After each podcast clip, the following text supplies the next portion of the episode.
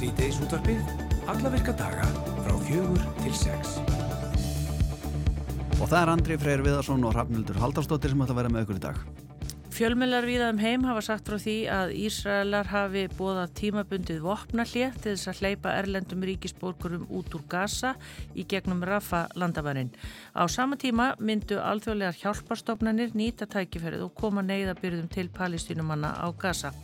Um helmingur íbúa Gaza eru börn og þau eru helstu fórnalömp átakana á milli Hamasliða og Ísraels og það er vonast þess að hægt verði að leysa gísla úr haldi Hamasamtakana á næstunni. Þetta eru svona helstu tíðindi dagsins af því sem þarna er að gerast. Það er alltaf breytist í rauninni bara frá mínútu til mínútu en Birna Þórarinsdóttir, hún er frangatastjóri UNICEF á Íslandi. Hún er stött í Amman í Jórdaníu að ræða viðbröð við samstagsfélaga sína innan UNICEF og við ætlum að freysta þess að ná sambandi við hana á eftir. Já. Undafanna mánuði hefur Brimbrettarfélag Íslands unnið hörðumöndum af því að vernda ölduna sem að liggja við höfnina í Þólóksöfn og fyrir Brimbrettarfólk á Íslandi þá er aldan talin einstök og eins og besta í Evrópu. Og það er mér svo þannig að margir ellendir Brimbretta yðgöndur hefur gerð sér ferðinga til lands sérstaklega til þess að njóta þessara einstöku öldu.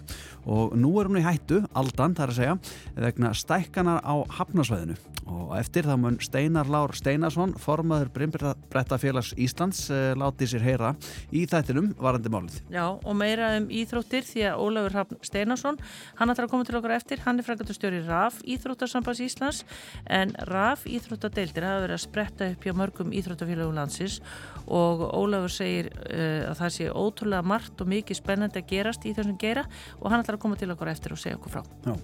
En við Íslendingar er náttúrulega langþrætt á leiðundar innflytjendum og þá erum við að tala um innflytjendur úr skordýraheiminum eins og lúsmi og kakalögum og hér eru vonandi goða fréttir því að aðmýráls fyririldi það klökk fluttust út í fyrsta skipti eða aðmiðráls þýðrildi ég held að það sé nú alveg örgli eintölu. Það klöktist út í fyrsta sinna á Íslandi svo vita sé og það á héræði fyrir austan í haust og það voru nefnendur í Hallónstæðarskóla sem að fundu bæði púpur og lirfur og já, leið þá ekki að lungu er að Elinborg Sætis Pálsdóttir lífræðingur á héræði var komin í málið og við ætlum að heyri hennu eftir og spurina út í þetta einstaklega fallega þýðrildi aðmiðráls þýðrildið e, og svona komast að því hvort að ja, það sé skadalust íslenski náttúru og hvort það sé komin til að vera.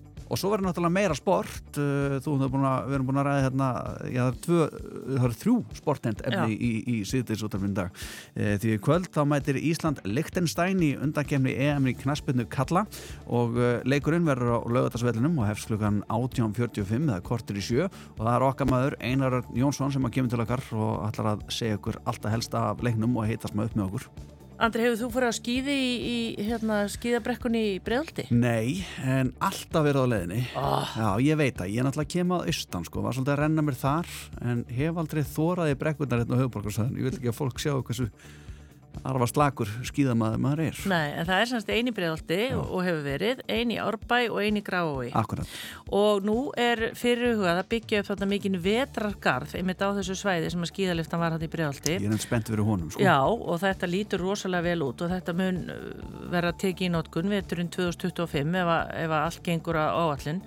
En uh, það í millitíðinni þá er bara búið að taka niður skíðaliftuna, þannig að fólk mun og þú alls ekki geta rent sér hérna á skíðum í vetur. Og íbúar hafa hérna mótmælt og það eru líka til samtök sem að e, heita e, hvað heitir þetta, vinir vinir Kópavós og hollvinarsamtök Elluðadalsins sem að hafa líka mótmælt þessu og öllu þessu ferli. Og einn þeirra sem að hefur hérna já, svona lagt fram fyrirspurn í, í borgarstjórn er Kolbrún Baldurstóttir, hún er borgarfulltrúi flokks fólksins og hún er á línu. Hvað er sæl og blessu Kolbrún? Já, komið í sæl. Já, segð þú okkur, svona þín aðkoma að þessu, hérna, þessari fyrirhugaður, já, hvað er það að segja, stór framkvæmdu þannig? Já, það er óhægt að segja að ég sé stór framkvæmdir í gangi í efra breyðaldi en þetta hangir svolítið saman við eh, framkvæmd þriðja áfanga Arnarnesöðar sem mun verða hraðbreytt sem sker hérna vassendahæðina og þetta er hluta samgöngu sáttmálunum og þessu hefur verið mótmælt harlega hérna í, að fólki í efra breyðaldi og mörgum í breyðaldi og sérstaklega vegna þess að byggja á svo stóru framkvæmda á, á eldgamlu umhverfsmati og það hefur verið beinum að fá nýtt umhverfsmat sem hefur verið hafnað en síðan er það jú vetragarðurinn sem að, uh, svona, er kannski rúsinan af í allum sem breytingum breyðaldi og margir mjög ánæði með. Og þar teki, tengist þessari skíðaliftu sem við þekkjum öll og hefur verið gríðarlega vinsar hérna á, á góðum dögum að vetri til. En núna var svo við að, að hún var bara reyði niður og allir stöðrar og það algjörlega bara, já, í skjóli nættir, ef segja má svo á nokkur samráðs og ég laði fram fyrirspurnir í hérna umhvers og skiplarsváði sem sagt hvað, hvað með þetta eiginlega og hversu lengi þetta er því svona og það er svo sem ekki borðsnið svör en það er heldur ekkert kannski mjög langt síðan ég laði fram þessa fyrirspurnir en þetta hefði nú verið bara, hefði verið hugulegt að ræða svolítið við íbúðuna og, og svona gera einn grein fyrir hvað stæði til. Já, þannig að það er í rauninni tvent sem er kannski svolítið vantar skýringar. Í fyrsta lagi af hverju eh, liftan er tekið niður án samráðs við nokkurn og svo líka þessar fyrirhugðu framkvæmdir sem að verða þannig að þú ert þá bara í þessum vetragarði eiginlega nánast bara í aðri hraðbröðar. Nákannlega og það er náttúrulega gríðarlega bara áhyggjur af því því að við viljum auðvitað ekki mengunna frá hraðbreytinni yfir á leiksæði barnana að þetta er ótrúlega svona, ég hef nú bara sagt að þetta sé onni koki nánast á, á börnunum sem verða að leika sér inn í, í þessum dásanlega vetragarði sem að er virkilega skemmtileg hugmynd og verður skemmtileg framkvæmt en það bara svona leiti ekkit vel út þegar maður horfið síðan á þessa hraðbreyt sem tengja mun hérna breiðhaldsbröytina og, og kóbóin og, og líka það að breiðhaldsbröytina er náttúrulega bara löngu sprungin og sérstaklega þessi kapli frá jafnasela rauðavatni tekkin það öll þegar fólk er leiðin út í bænum að þá er stundu stapp fullt alveg nýra mjött þannig að þetta nú verið svona málumni sem að ég hefur verið að beita mig fyrir eh, með vinum Vassendakvarsins í breiðhaldi En hérna síðan þetta með skíðalýftuna kom bara allt í einu svolítið. Þetta var enginn einhvern veginn svona að hugsa að það er ekki möguleiki á að fara að skíði hérna. Þetta er búið að vera lengi hérna og þetta er vinsælt. En síðan lítið svo út fyrir að það verður ekkert slíkt á næstunni. Nei. En hvað mun vera í þessum vetragarði? Það á að vera svona vetrasport og þetta kannski sínist mér nú svona áherslu að vera á skíði að fara að renna sinni við brekku og svona kannski eitt og annað meira í hérna sem, sem passar þær inn en, en kannski umhverfis og skiplasráð sem getur svona sagt meira til um það.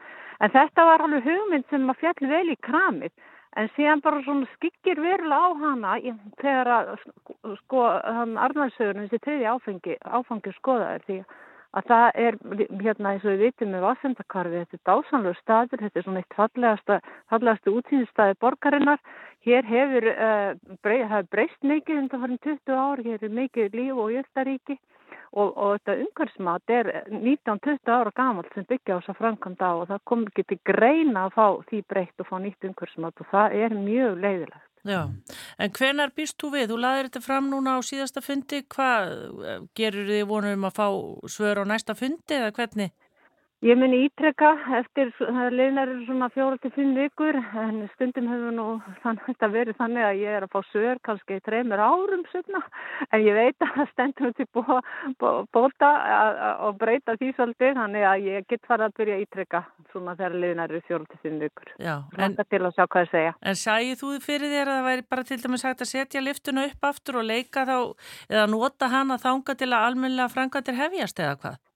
Já, nú bara veit maður ekki neitt því að það er fyllt enga skýringar, þetta var bara allt í henni gert, það er ekki talað við kokki kongni fröst, þannig að ég þór ekki að segja til um það, hvernig það er. Helst vil ég náttúrulega bara stoppa þessar uh, framkvæmdir á, á arðnæðisveginum hérna og fá nýtt umhverfsna því að það er í rauninni ekki beðið um annað en að það verði gert. Það er, það er svona fyrsta skrefið að sjá bara hvernig þetta, hvaða áhrif þetta mun hafa hérna á, á umhverfið sem er gríðarlega bara svona merkilegt og fallegt sæði sem ástundakorfið er. Já, við kostum þessu hérna út í kosmosið, sjáum hvort einhver frá borginni svari ykkur eða verður kannski á undan að svara þér, Kolbrún. Já, það er spennandi. Takk fyrir spjallið. Takk sem leið. Já, bless, bless. Rástvö.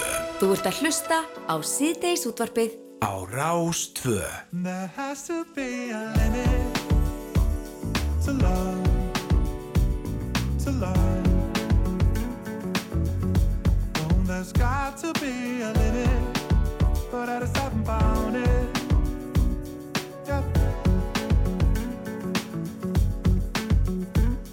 I set my expectations high, they could have been higher. Never would have thought that I could have two apples of my eye. I was wrong.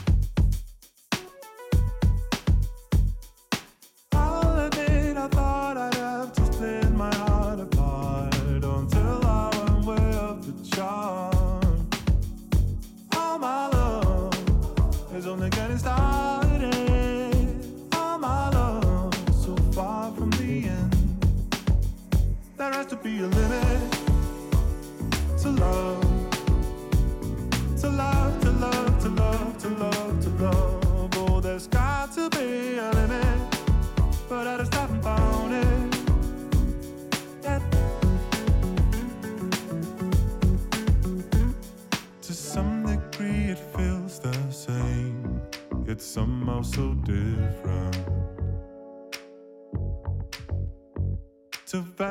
different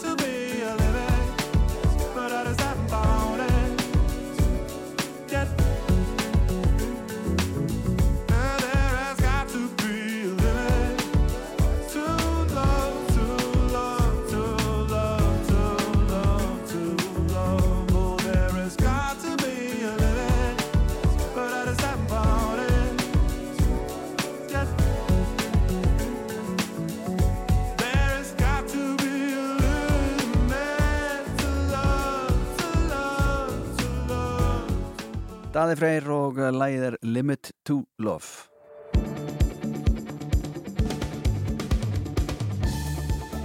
Já, öll aðdegli heimsins beinist auðvitað núna að átökunum uh, í, á Gaza-svæðinu og fjölmilar viða um heim hafa sagt frá því að Ísraelar hafi búið tímabundið vopnallið til þess að hleypa erlendum ríkisbjörgurum út úr Gaza uh, í gegnum Rafa landamærin og á sama tíma myndu alþjóðlegar hjálpastofnanir nýta tækifærið og koma neyðabyrðum til palestínumanna sem eru á Gaza.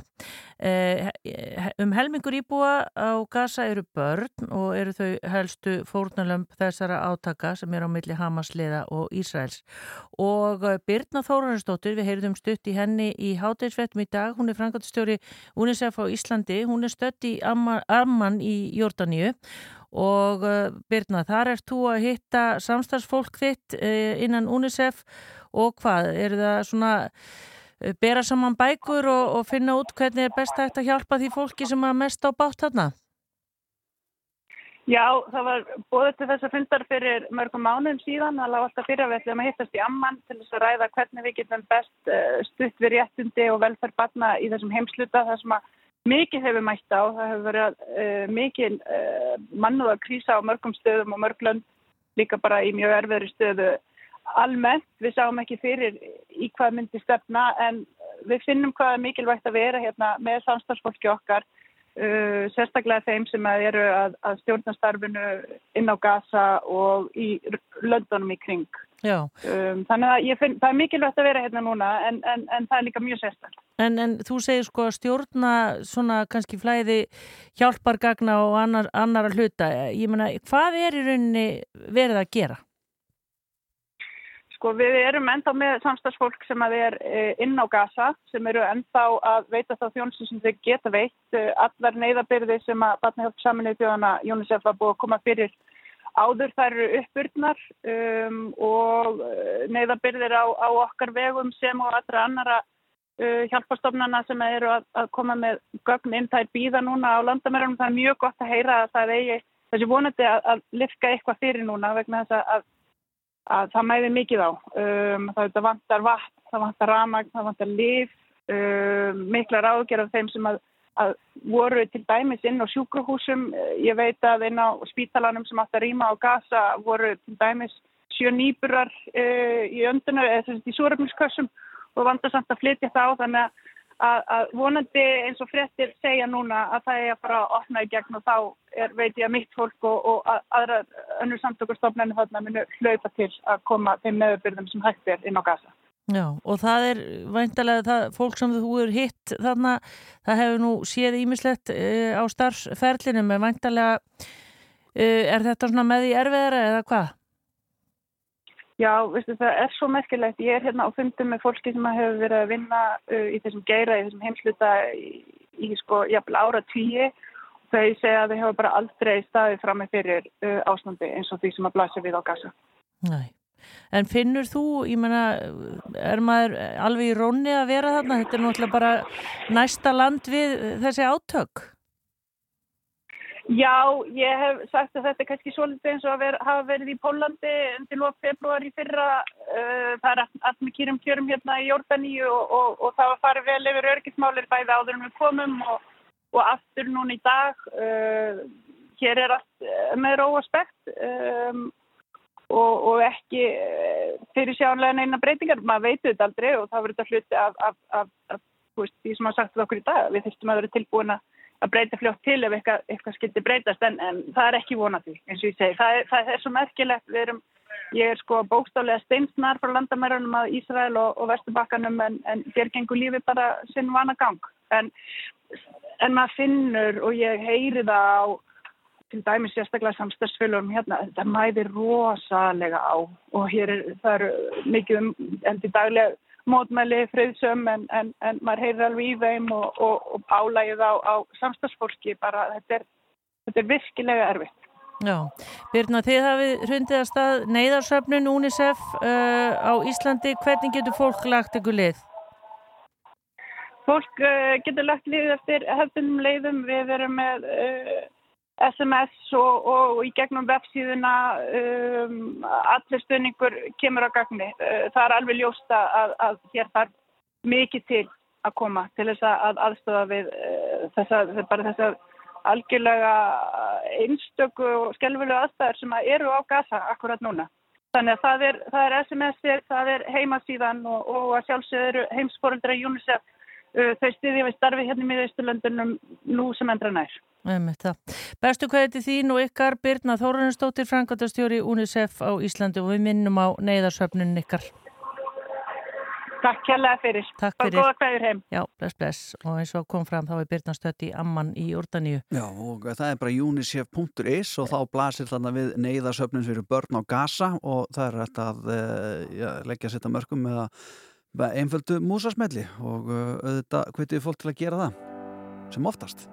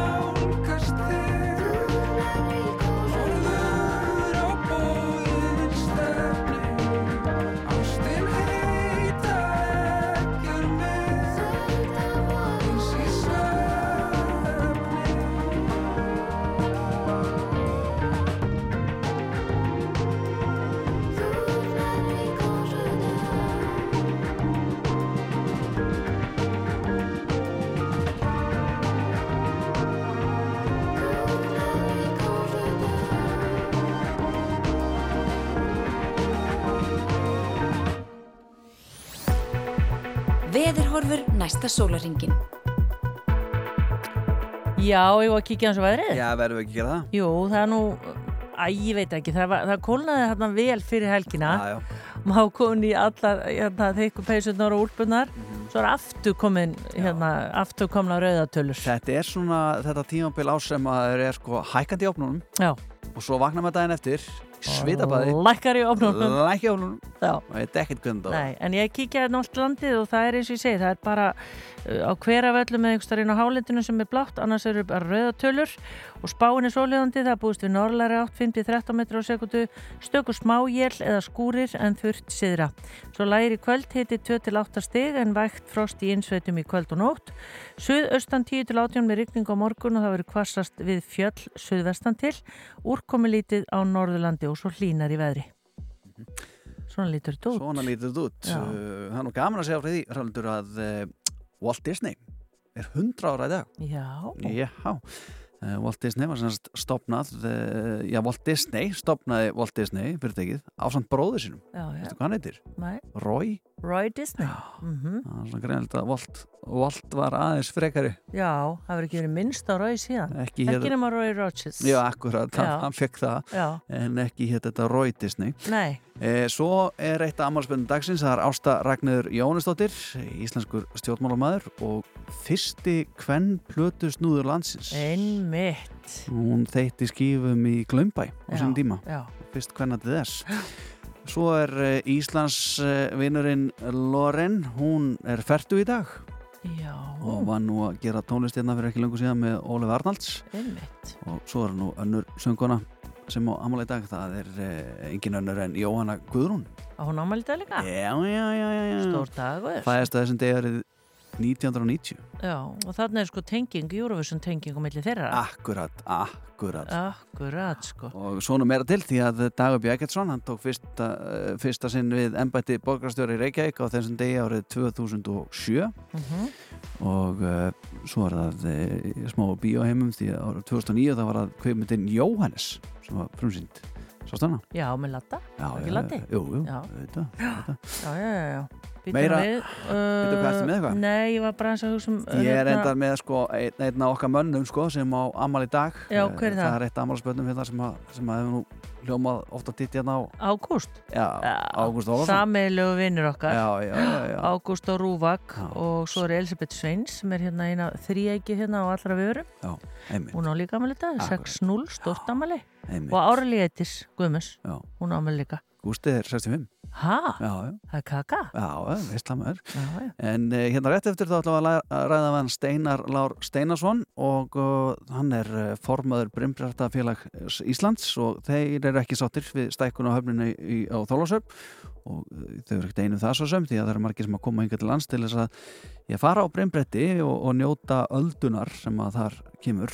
Og hún er talin eins og magnaðasta í Evrópu og hann ætlar að segja okkur nána frá þessu við erum að mótmála þessu uh, Brimbrætta fólk hérna á Íslandi og fleiri mæntalega, Já. þannig að það verður gaman að heyra hvað hann er að segja þannig rétt eftir. En hérna er Amálsbarnið með hljónstinni Bakalút þetta er Mamma þarf að djamma og það er aldrei að vita hvað Jóhanna Guðrún gerir kvöld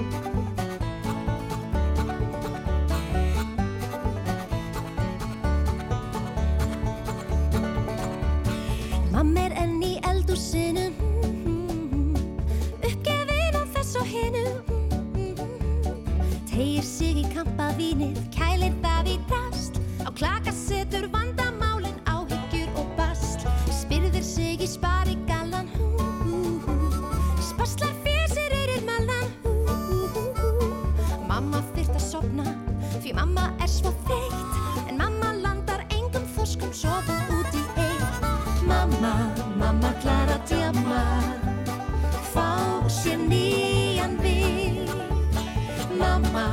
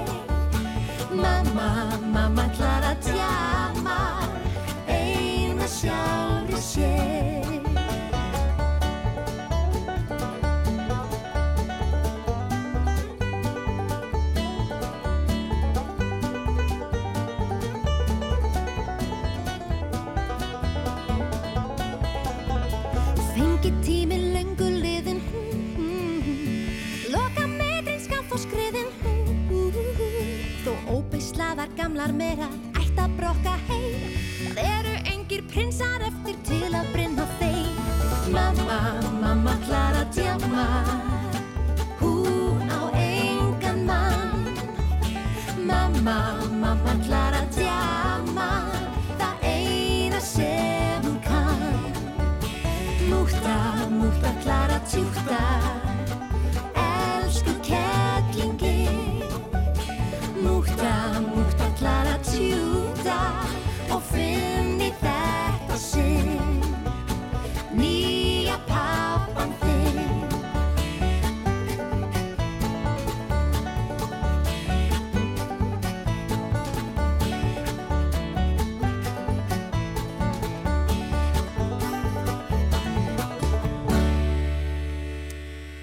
Steinar Lár Steinarsson, formaður Brimbrettafélags Íslands, hann er mættu til okkar og uh, við ætlum að ræða, mm, já, svona hættuna sem að uh, er á því að einn magnaðasta alda Íslands og Evrópu, segja margir sem að stunda Brimbretta yðgun. Uh, Sú alda er í hættu og þetta er út af stækkun á höfn í Þorláshöfn og Steinar Lár og hans félagar og fleiri eru ósátt við þetta. Sætlublesaður velkominn. Já, sælveriði. Segðu okkur aðeins eh, svona til að byrja með að þessari öldu. Er þetta satt? Er þetta bara einn magnaðasta alda og einstakt fyrirbæri? Hún er það, svo sannarlega. Uh, suð, suðuströndin er svona bara sandströnd, alla leið nema í Þólasöfn. Það kemur þessi svona kvilt, það sem er mjög náttúrulegt að hafa höfn og ástæða fyrir að vikingarnir löðu þar inn, auður djúböka og svo framvegs. En það veitir líka náttúrulegar aðstæður til þess að standa öldu.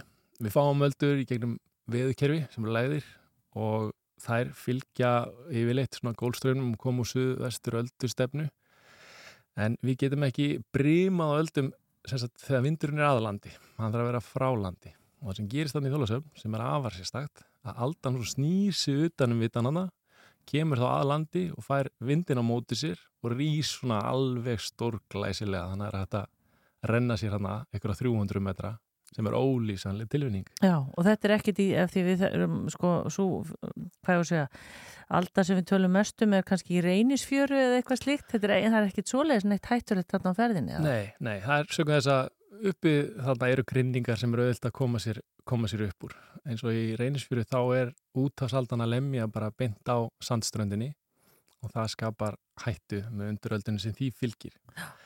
En þegar öldur eru minni þá má leika sér aðeins sko á sandi en það eru það er best að líka þessu við sko skíðasveið því að við skiljum það. Því að öldur eru svo nýtt þetta er svo, við erum fyrsta kynslu hérna og erum bara svona að kynna það sem við erum að gera. Já. þannig að skíðasveið eru með bláabrekkur og rauðabrekkur og svartabrekkur og ef maður fer á sandströnd þegar það er lítið breym þá er maður í rauninni í bláabrekkunni og það er alveg rosalega gaman til að byrja með. En svo ef maður ætlar að reyfa sig eins áfram í sportinu þá fer maður í rauðu.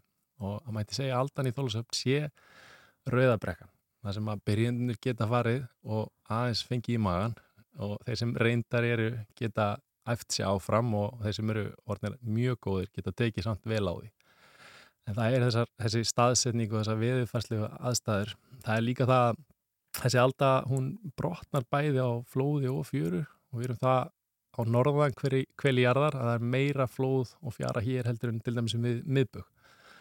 Stórstremsfjara hérna eru margi metrar meðan við miðbögg þá er þetta kannski 30 centimetrar. Já. Þannig að alda aðrar öldur á Íslandi, það er virka bara í flóði eða bara í fjöri og það er botni sem stýrir öldinni hvernig hún brotnar og það er að afar sérstaka við þólasöfn að hún er mjög aðgengileg og er örug, það er örugt að komast út í og upp úr svona og með tilkomu uh, landfyllingu á þessum stað að þá gjur breytist svæðið og, og aldan í rauninni verður öll Mhm.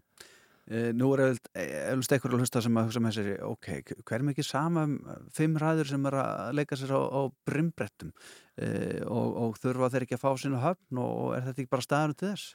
Jú, við auðvitað tegum til til þess og erum búin að fá ástrálska sérfræðinga sem að hafa meðal annars komið til hans til þess að uh, hafa námskeið í hafnarhönnun fyrir vegagerina til þess að teikna þetta búin ítt sem að gætir hagsmuna begjaðala og við höfum lagt þetta fram fyrir bæjaráð Ölfus og erum svona býð eftir svörum frá þeim en þetta er bara svo fljótt að breytast. Það eru bara tvær kynnslóðir síðan að fólk fór fyrst í bláfjöld það eru bara ömmur okkar afar sem að voru þarna bara okkur um tréplungum að labba sko. Já. Uh, svo bara líða tvær kynnslóður og þetta er bara okkar allra. Mm. og þetta er bara það sem við sækjum útvistina og samveruna með fjölskyldinni og hérna myndi einhvern þetta í hug og þú veist að, að, að valda yfir það í dag og ég get sagt það sem brettamæður að ég var að fyrir heimsbyggarinn ég var að keppa fyrir 20 árum þá mátti ég ekki fara í liftunar í bláfjöldum út af því að ég var bretti. Þannig að það er oft svona þegar maður er fyrir um kvöld og hlutinni passi ekki og það er engin saga að það átta menn sig ekki á verðmætinu. Og ég líki þessu líka við lagsveið ár 1975 þegar menn sprengdu fyrir norðan í Aldal uh, og tók á sig 70 saman uh, já, viðkendi 70 saman eða aðeins staða þessu. Og þá voru þetta bara einhver skrítni fyrðuglar að dingla einhverjum flugum út já, bara hvað er að gera, hvað er ekki bara með nett en svo skilja það allir í dag hvað verðmæti þar fylgja. Og það sem er merkilegt í þessu það er til hagfræði sem er kend við Oxford Háskóla sem er köllu surfhagfræðin. Og það er það sem menn eru búin að mæla og mér langar mikið til þess að við ekki aðtíkla á fyrir bæjabúa í Þólusöfn þegar það er svona mikil náttúruperla sem er svona og það eru svo fáar í heiminum þá endar það að fastegna verð hækkar umfram önnu svæði umfram, eða svona það er um 10% sem að hækka hraðar leðar þetta eru þekkt að hérna þetta er í rauninni svo eftir sko skíðaskála eitthvað í einhvern dal í Sviss, og síðan myndi ykkur setja skíðasvæði hliðina og þá allt í hennu langar öllum að eiga hann að góða sko. Mm. og það er svo gaman að koma og leika og skemmta sér Einmitt. En það er bara svo nýtt að breymbretta búningar séu orðnir það góðir að við getum stunda þessi íþrótt hérna allan á sem syng Eru að tala um allan ásins ring? Já, ég var að koma að norðan um helgina, það var lægð þar, við, við keirum og eldum öldunar og þetta er alveg óbúðslega holdt og gaman. Ég á fimm dætur og meiri sér svo yngsta sem er tveggjóra, við vorum að surfa með henni í sumar. Þannig að hérna, ég er að vera 45 ára gammal, ég er í rosalugu formi og ég stundaði þetta, þetta er svo heilbrygt og gott. Það er ekki allir hvað er gott að fyrir sjóun og kæla sig. Þannig að hérna, þarna er maður með reyfingun og sundi með Þannig að það er mjög margt mikið, mikið í þessu til þess að sækja og, og við viljum bara kynna veist, okkar íþrótt og okkar starfsemi og þetta voru nokkra hræður. Við byrjum bara þrýr fyrir 20 árum. Nú eru við 500. Já, á Íslandi. Á Íslandi. Og svo koma Erlendis frá. Já, og eins og bara einn mesta landkynning Íslands mynd sem heitir Under an Arctic Sky sem að yfir 50 miljón manns eru búin að sjá í heiminum er fjallarum breymbreyttamann heiðalúa sem er að breyma undir norðiljós. Já.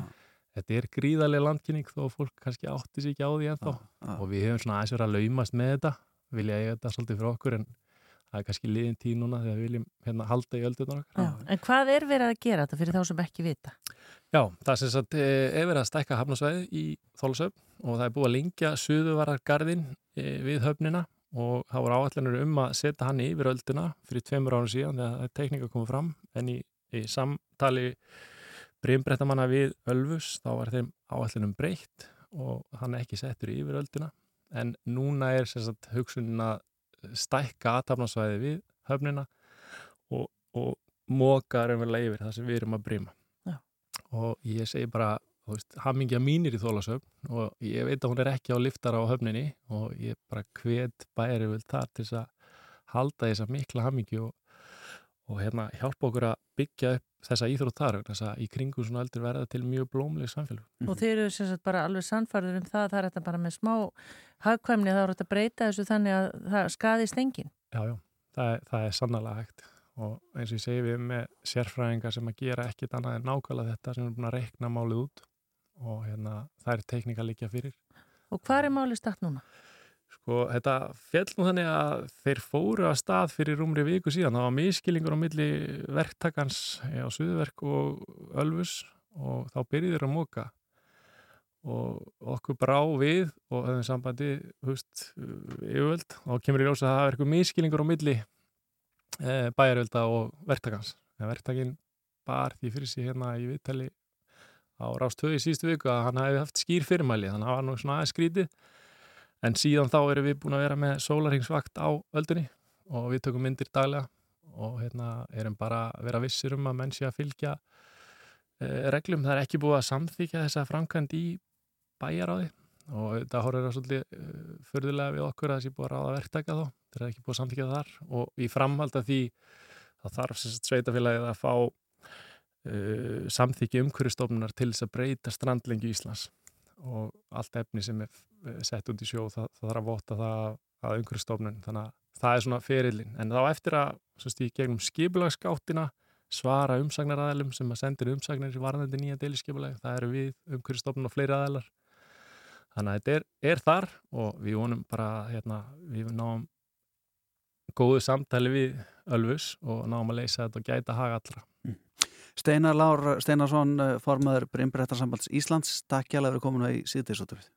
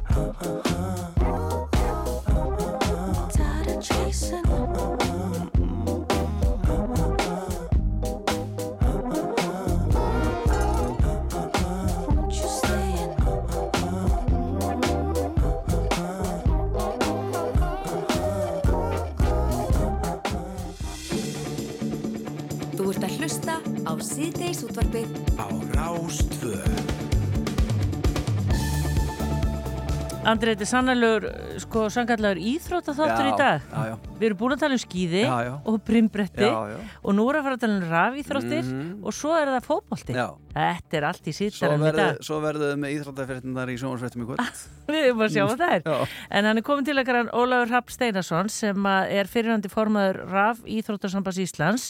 Og við nefnilega rákum, augun í það að, að það er alltaf springa út og vera vittlust í RAF Íþróttum því að það eru konar alls konar deildir bara verið í þinn ímsu íþróttafélög. Og uh, hvað segir Ólafur? Hvað er þetta? Eitthvað sem að þið grunaði fyrir nokkrum árum síðan? Já, allavega, ég vonaði þetta. Þannig að maður nú ekki lagt að stað í, í alla þessa vegferð. Og hérna en það er rosalega gaman núna að vera komin á þennan stað að, að færa þetta út fyrir landstyrana líka. Og, og vera að byrja að vinna með e, fólki í mismandi löndum, mismandi menningum. Og, og alltaf hérna aðeins þetta sjá að e, það eru krakkar sem þurfa, þurfa hjálp og, og heimili fyrir þetta áhugamál í, í öllum löndum, þetta er ekki bara einstakt fyrir Ísland sko. Já, og hvað er það nákvæmlega sem þeir að gera? Færa út kvíarnar? Já, ég, ég satt stopnaði eh, eftir í stekti hliðar sem formaður rafþjóttarsamtakana og stopnaði fyrirtæki sem heitir eSports Coaching Academy og það er fyrirtæki sem er þá gert til þess að þjálfa þjálfara í rafíþróttum og veita þeim stuðningi að halda úti góðum uh, rafíþróttaæfingum. Af því að töluleikinnir eru sífælt að breytast og, og það fer þá inn í verkarhing þjálfarans að, að vera endurist að búa til nýjar og nýjar æfingar. Veist, eh, við myndum kannski breyta því hvernig við æfum fótbolta ef við myndum alltaf að spila á hálfum velli með eitt mark og þrjá bolta og þá myndum við kannski þurfa að búa til nýjar æfingar en það er svolítið svona það sem fellur inn í verkarhingin hjá rafíþróttaþjálfara. Mhm. Þannig að við gerum það í rauninni fyrir þjálfaran. Þannig að hann getur bara einbeitt sér að því sem skiptir máli og það er að vinna með krökkunum og, og sinna þeirri þjónustu og, og þarf ekki að vera hérna að stunda endarist að skrifum á kvöldin líka sko. Já. sko, þetta er þá tölvöld lengra komið, ég man að ég átti leik í segatölunum minni sem heit Road Rage þar sem hann var á svona mótrjóli og, og var að keppa þar á stundum voru spörk og vera að kýla og svona e, þá gaf maður að fara í svona æfingaring Já, og kert ring eftir ring eftir ring og eftir bara að keira hjóli sko. þetta, er, þetta, er orðið, þetta er lengra komið en það Já, en samt eh, furðulega mikið á sama stað. Ég meina, það er náttúrulega bara eh, sumi leiki sem að bjóða þá upp á það, þann valmöguleika að, að fá akkurat svona bara frjálsar hendur í að gera það sem hún vilt inn í leiknum og taka æfingarhingi. Og það er að sjálfsögðu verkfæri sem við notum rosalega mikið í þeim leikjum eh, til þess að þá geta búið til kannski líkt eftir aðstæðum sem þú lendir í oft í leikjum og endur tekja þér aftur og aftur í staðin fyrir það að þurfa að fara í gegnum heilan leik til þess að upplifa þetta kannski einu sinni og hérna Þannig að, að ótrúðin satt þá, þá er þetta ennþá bara practice mode eða, eða warm-up lap sko, uh, á, á hérna, valmyndinni. Sko. Einmitt, einmitt. Sko, uh, fótbolti er eitthvað sem að allir krakkar fara í einhvern veginn, að flestir, ekki allir kannski, en þetta er svona stærsta, stærsta íþróttin hvað hva börn varðar og, og flestir farið þetta. Heldur þú að einn daginn þá verður bara íþróttinnar komnar lengra? Ég veit ekki hvort það verður komin lengra en náttúrulega fótballtinn er búin að tróna tóknum í svolítinn tíma Já, en já. ég trúi því svo sannlega að rafithróttunar geti orðið e, bara jafn stórar og margar hefðunar greinar og, og ég held líka að það sé ákveðin svo ávinningur fyrir samfélagið að ala þá menningu að, að ef þú hefur rosalega mikið áhuga á töluleikjum að þá ferðu og stundar skipulagt starf í kringum áhugamálið og e, ég, ég hugsa alltaf aftur til sko séra Friðriks sem, a, sem að var þá á tímum þar sem fólk var að hugsa sko að þessi krakkar er ekki að vinna, þau eru bara út að spila fótbolta við þurfum að gera eitthvað í þessu. Og hann segir, herðu, stopnum íþróttafélag hérna og búum til góðan félagskap í kringum þetta og gerum þetta að einhverju uppbyggilu. Og ég horfi á þetta eh, á mjög svipaðan hátt. Já, er þetta því ég sagði sko þetta er í rauninni bara búið að ná alveg ótrúlegri svona fótfestu. Er þetta komið í hvað mörg íþróttufjölu til og með svo Íslandi er þetta orðin eitthvað deilt?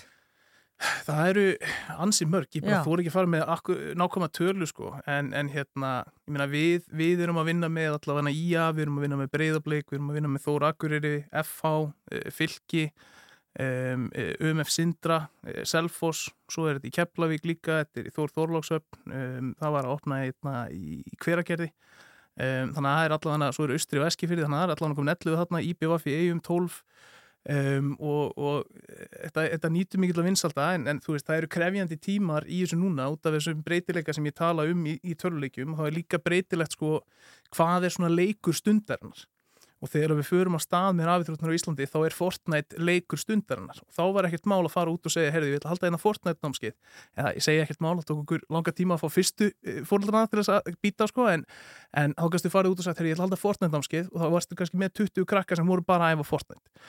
En núna það sem það er engin svona leikur stundarinnar sem er bara að vinna allt í vinsaldum að þá hérna, er erfiðar að finna kannski, eh, hvað getur sagt, þann, þann yfkenda fjölda sem þú þarft í ákveðnum leik og þá erum við byrjuð að kenna frekar sko leikja tegundir af því að það eru ákveðni hluti sem að samina til dæmis alla skotleiki og, og, hérna, og svo má alveg kenna mismunandi þemu innan skotleikja og svo má gera það sama með íþjóttarleikina og, og, og aðra leiki Mhm. þannig að við eigum að geta svolítið svona já, eh, fyllt eh, öldunum eh, á hafinu og, og, og þjóna sem sagt þeirri þörf á hverjum tíma hvort sem það sé þá leikustundarinnar eða ekki En er ekki margir að þróa leiki? Er þetta ekki alveg rosalega vaksandi, hvað ég að segja, bara yðnaður?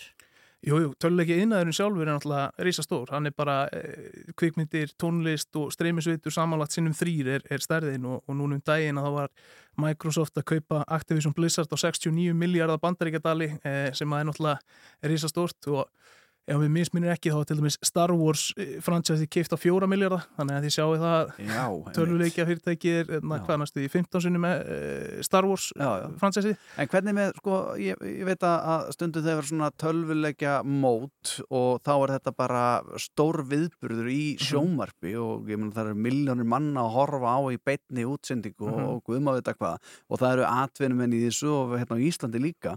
Fer, fer þetta alltaf fjölgandi og eigum við marga atvinnumenn í dag og, og er þessi tala alltaf að hækka um fólki sem er að horfa á þetta í beinni útsendingu?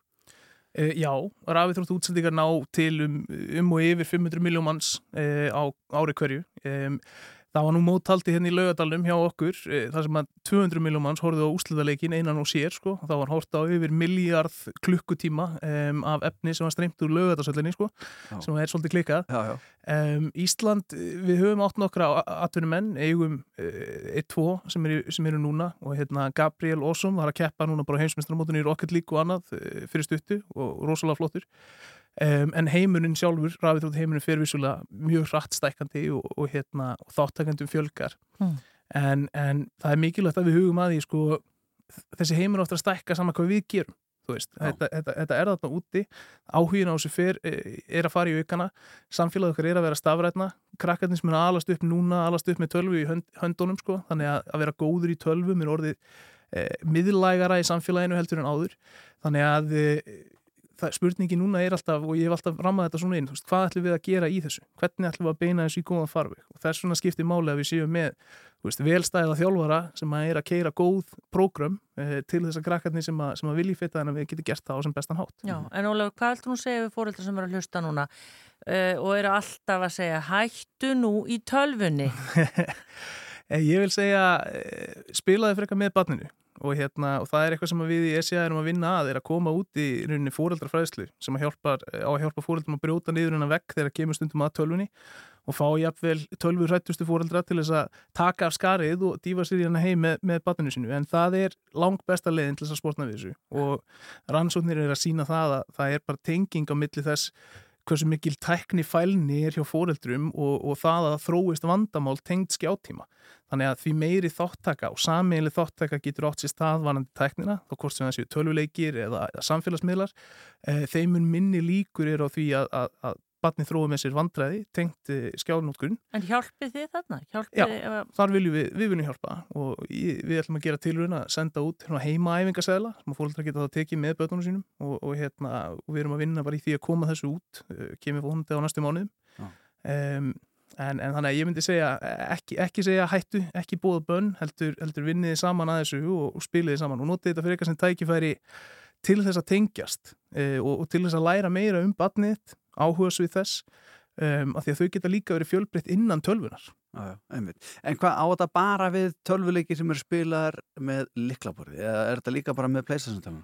Já, já, eh, PlayStation tölvan líka og, og það eru margir sem spila á fjárstæringu Rocket League til dæmis, langt flesti sem keppa fjárstæringu þar, margir sem keppa fjárstæringu í Fortnite. Um, PC tölvunar eru, eru kannski svona svolítið að tróna toppnum en það er aðalega út af bara hári hérna, enduníðuna tíðinni í skjánum það því það að þú sért betur hvað er að gerast eh, fer eftir hvort þessu 60 enduníðanir eða, eða 240 á sekundi Já. Og, og, hérna, og þegar þú ert komin á þetta háa stíg af keppni þá skiptir hver millisekunda og, og annað máli þannig að, þannig að það er kannski ástæðan fyrir að PC-tölvan trónar á toppnum en, en leikirnir sjálfur og, og, og keppnin sjálf nær alveg yfir allar tölfur og, og ég meina það er ennþá verið að keppa heimsmyndstramóti í Tetris þú veist, e, og það er á Ísland einmitt, eh, fyrir um Európumestra eða heimsmestra held ég. Mhm. Er þetta alltaf miklu fleiri strákar eða hefur það jafnast út?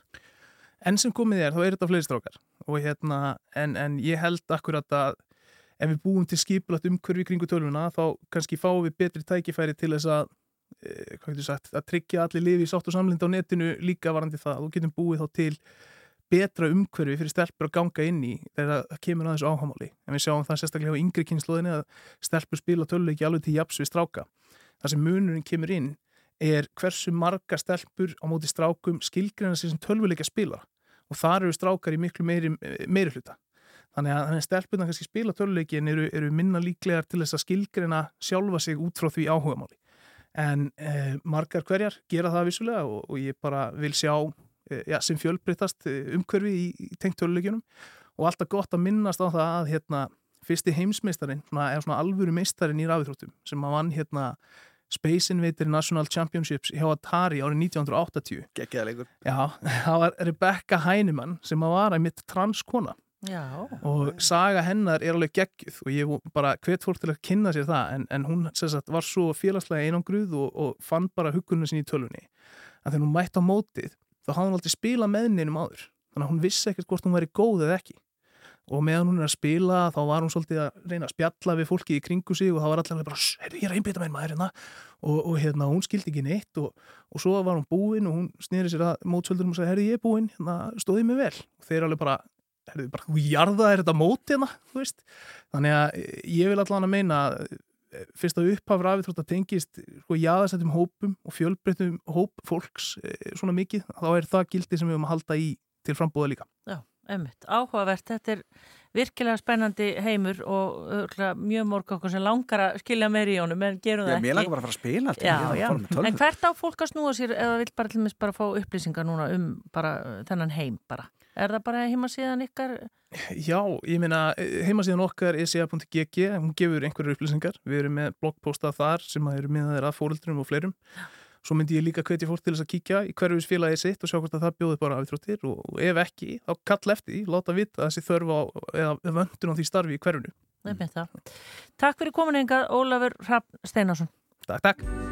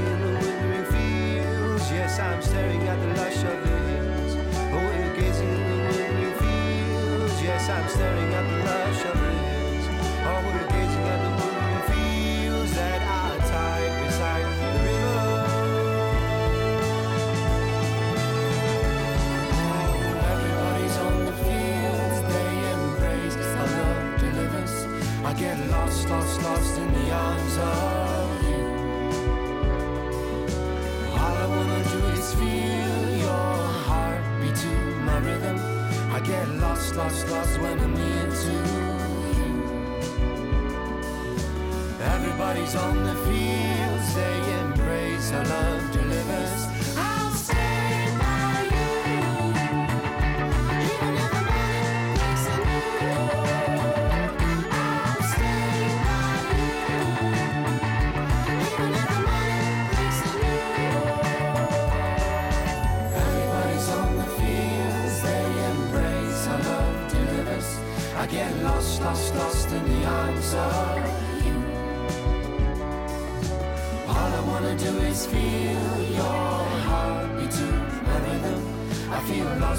lost, when I'm near to you.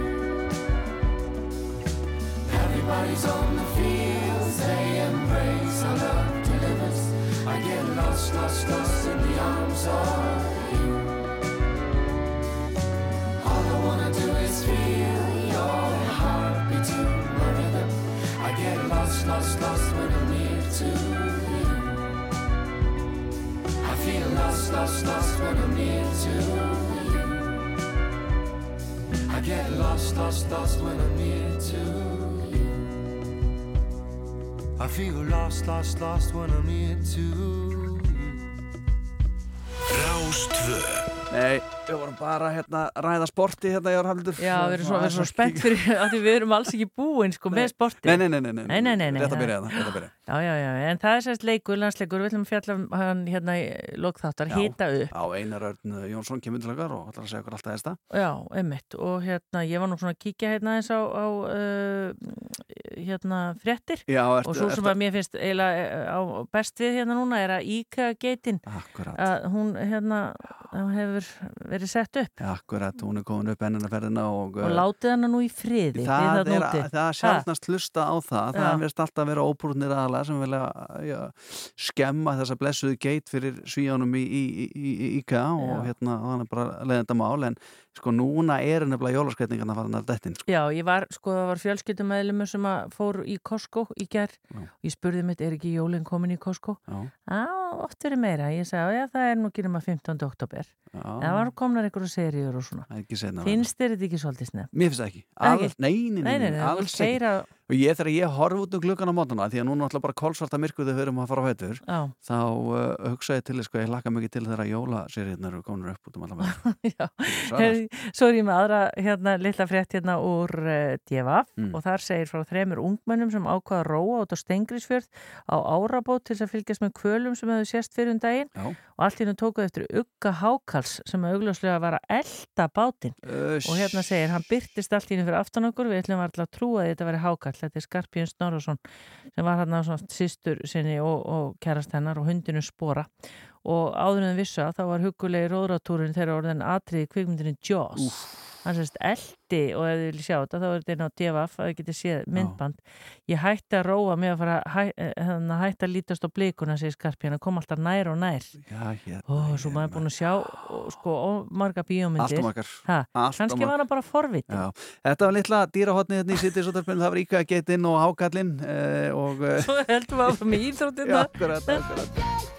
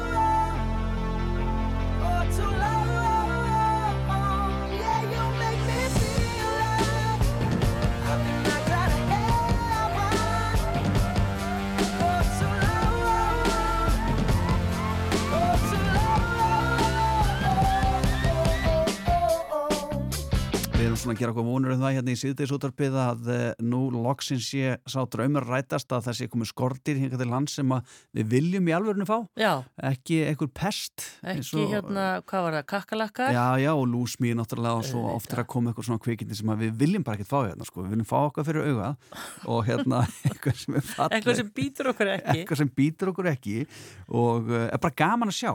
Og já, við höldum í þá vona að nú sé svo orðið og, og það fyrir austan því að aðmíráls fyririldi e, það er e, já, dýr sem við vorum að skoða myndir hérna aðans og leist bara glæsilega á og finnst bara flott og þetta er sko í, í, í, nefnundur í, í Hallandstarskóla fundu bæði púpur og lirfur og uh, já, þetta er, held ég og höldum við og, og þeir sem skruðu þessa frétt sem við sáum í, í austu frétt að sé fyrsta skiptið sem að já, svona aðmjörálsfyrildi já, klökkist út hérna á Íslandi og uh, já, það leði ekki löngu þanglega Elinborg uh, Sætis Pálsdóttir líffræðingur á héræði og var komin í málið og hún er á línunni Sæl og blessuð Já, sæli, sæl.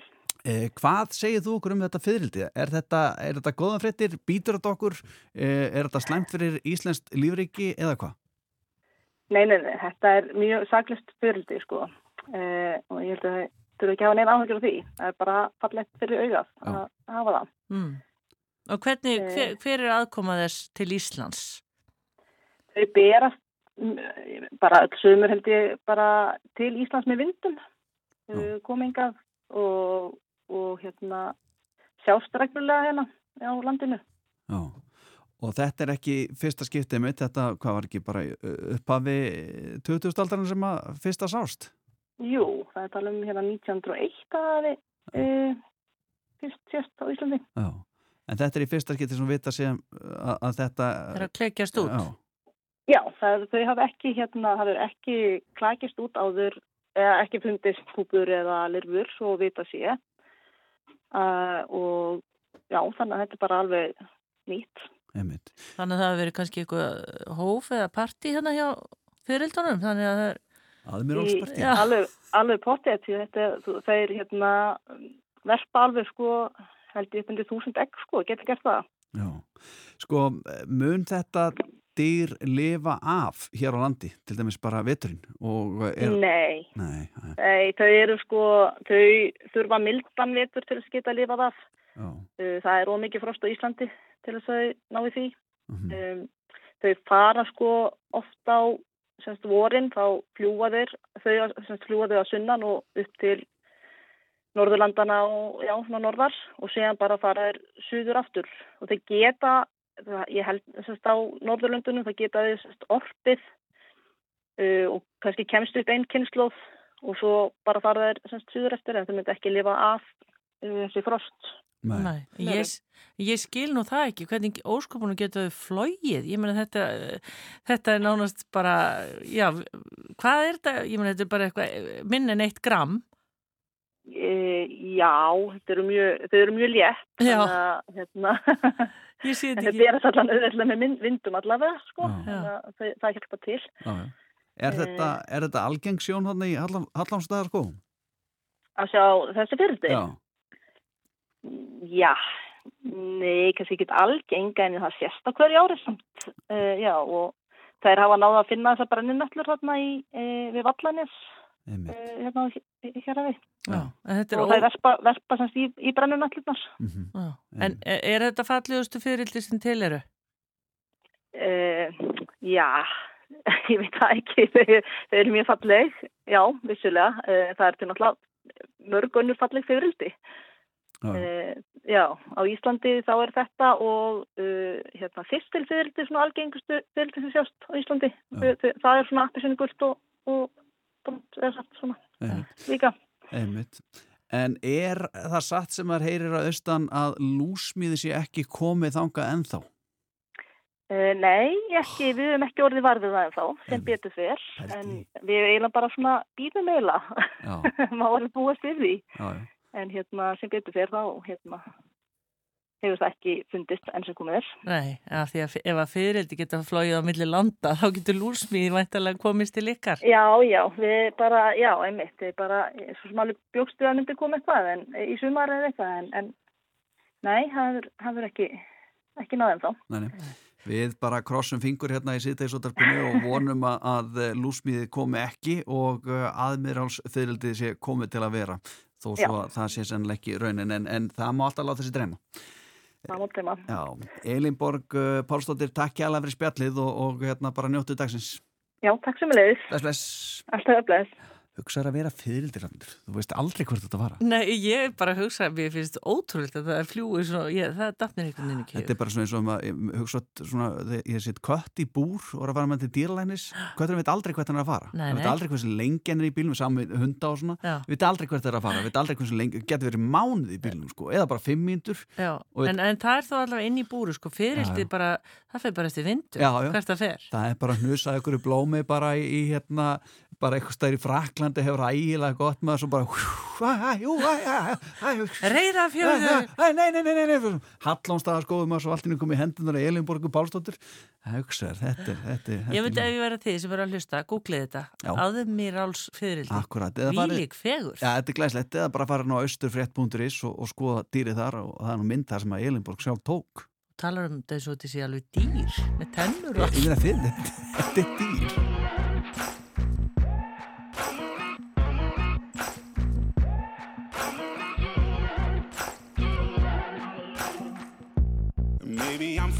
foolish, maybe I'm blind, thinking I can see through this and see what's behind. Got no way to prove it, so maybe I'm lying. But I'm only human after all.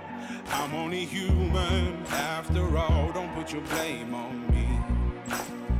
Don't put your blame on me. Take a look in the mirror, and what do you see? You see it clearer, or are you deceived in what you believe? Cause I'm only human after all, and you're only human after all. Don't put the blame on me. Don't put your blame on me. Some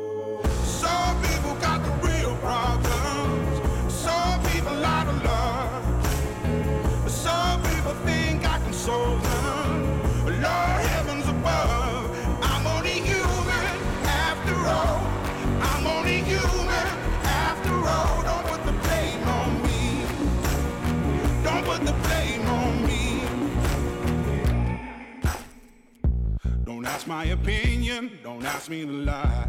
And beg for forgiveness for making you cry. For making you cry. Cause I'm only human after all. I'm only human after all. Don't put your blame on me. Don't put the blame on me.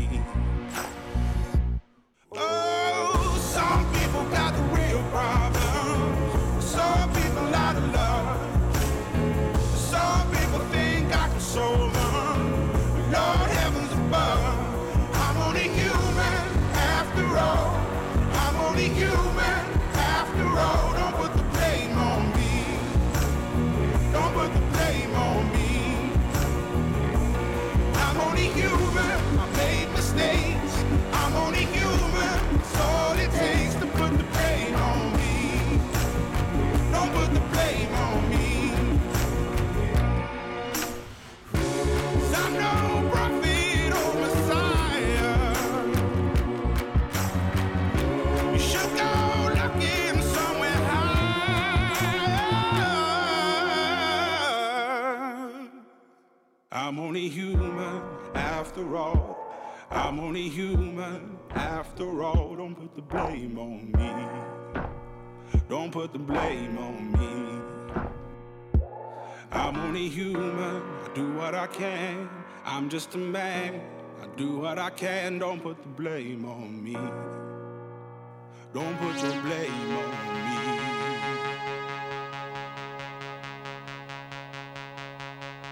me.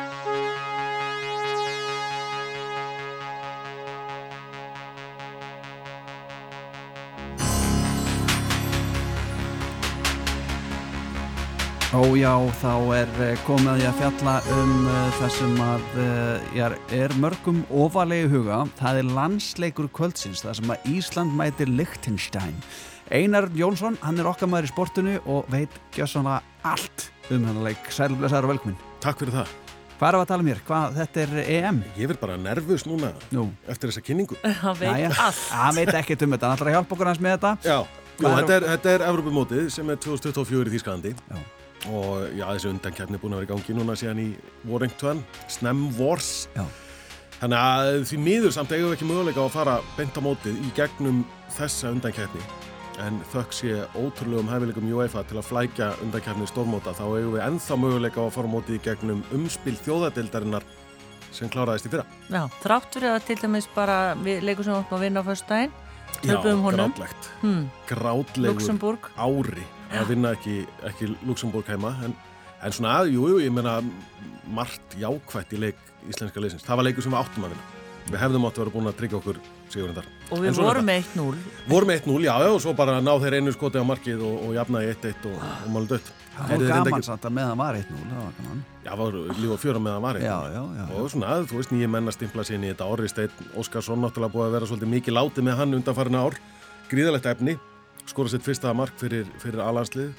Búin að brjóta sér leiðin í aðal, aðaliði hjá FCK í Danmörku líka. Þannig að þetta er svona rísandi stjarnar í íslenska liðinu og, og fleiri ungir strákar svona. Meðalaldurinn í íslenska liðinu var tiltölulega lár í, í þessum leik. margir að- glókollar hérna í framlínunni margir glókollar með aflitað hár og ég veit ekki hvað og hvað í, í framlýninu en ofbóðslega hæfileikar ekki strákar og það er eitt, fyrsta skrefið er að vera rosa hæfileikar ykkur næsta skrefið er svo að ná að nýta eða hámarka það sem hún færið út úr þeim hæfileikum sem hún hefur. Og það reynir kannski aðeins meira á gömlu kallana að, að þeir svona sínum önnum réttu skrefin og, og hvernig er best að laða fram það besta í, úr sínum hæfileikum í svona leikum Já. og þá komum við að leik kvöldsins Já. af því að við erum að spila við Líktenstein hérna heima. Fullir virðingu fyrir Líktenstein þá eru þeir langslagasta liðið sem riðli. Við unnuð á 7-0 úti í Líktenstein í vor þannig að þetta er svona leikur sem að það sem að okkar, okkar hæfileika ríkustu menn eiga að geta látið ljósitt aðeins, aðeins skína Já, sko, er eitthvað líkur því eins og landslýsþjálfarinn heldur fram að eh, Gylfi muni slá marka met? Já, hann vantar bara eitt mark til að jafna það Já. hver á það aftur? og uh, Kolbeinn og Sigþórsson og, og Eður Smári Já. saman 26 mörg, Gilvi er komið 25 þannig að er, þetta getur verið fljótt að gerast Já, en svona met geta líka oft verið rosa ef þú hengir mikið og ætlar að ná metinu Mhm.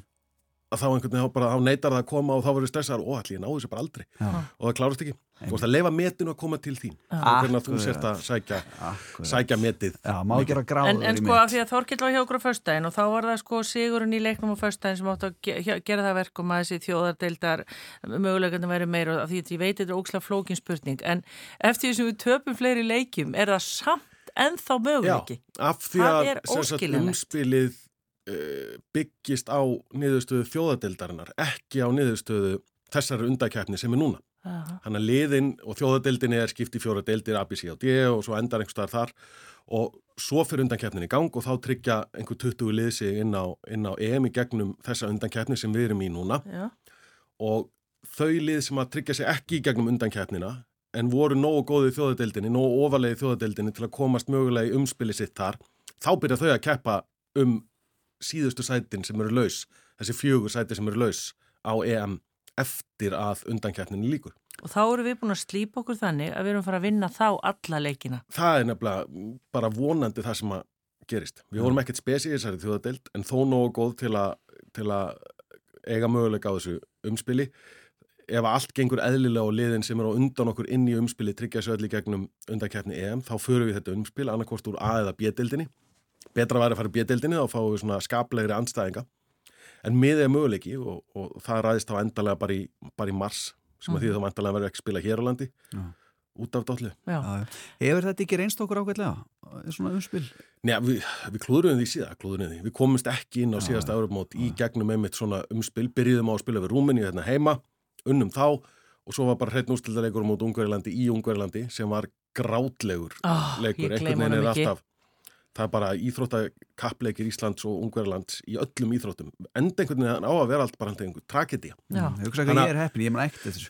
Nei, þá ætlum við að rifja þetta upp fyrir. Gilvi skoraði fyrir okkur og svo vorum við yfir alveg hellengið þangið til lokin og ungverðar skoraði tvisvar í, í blá lokin og offsadrama og við dættum út og förum ekki á hef. Ég er búin að henda þessu út í dektum Nei, það er En bara hvað með leikin í kvöld, eitthvað svona alveg, það? Já, bara, ég meina, þú veist, þetta er bara leikur á móti andstæðingi sem er lakari en við.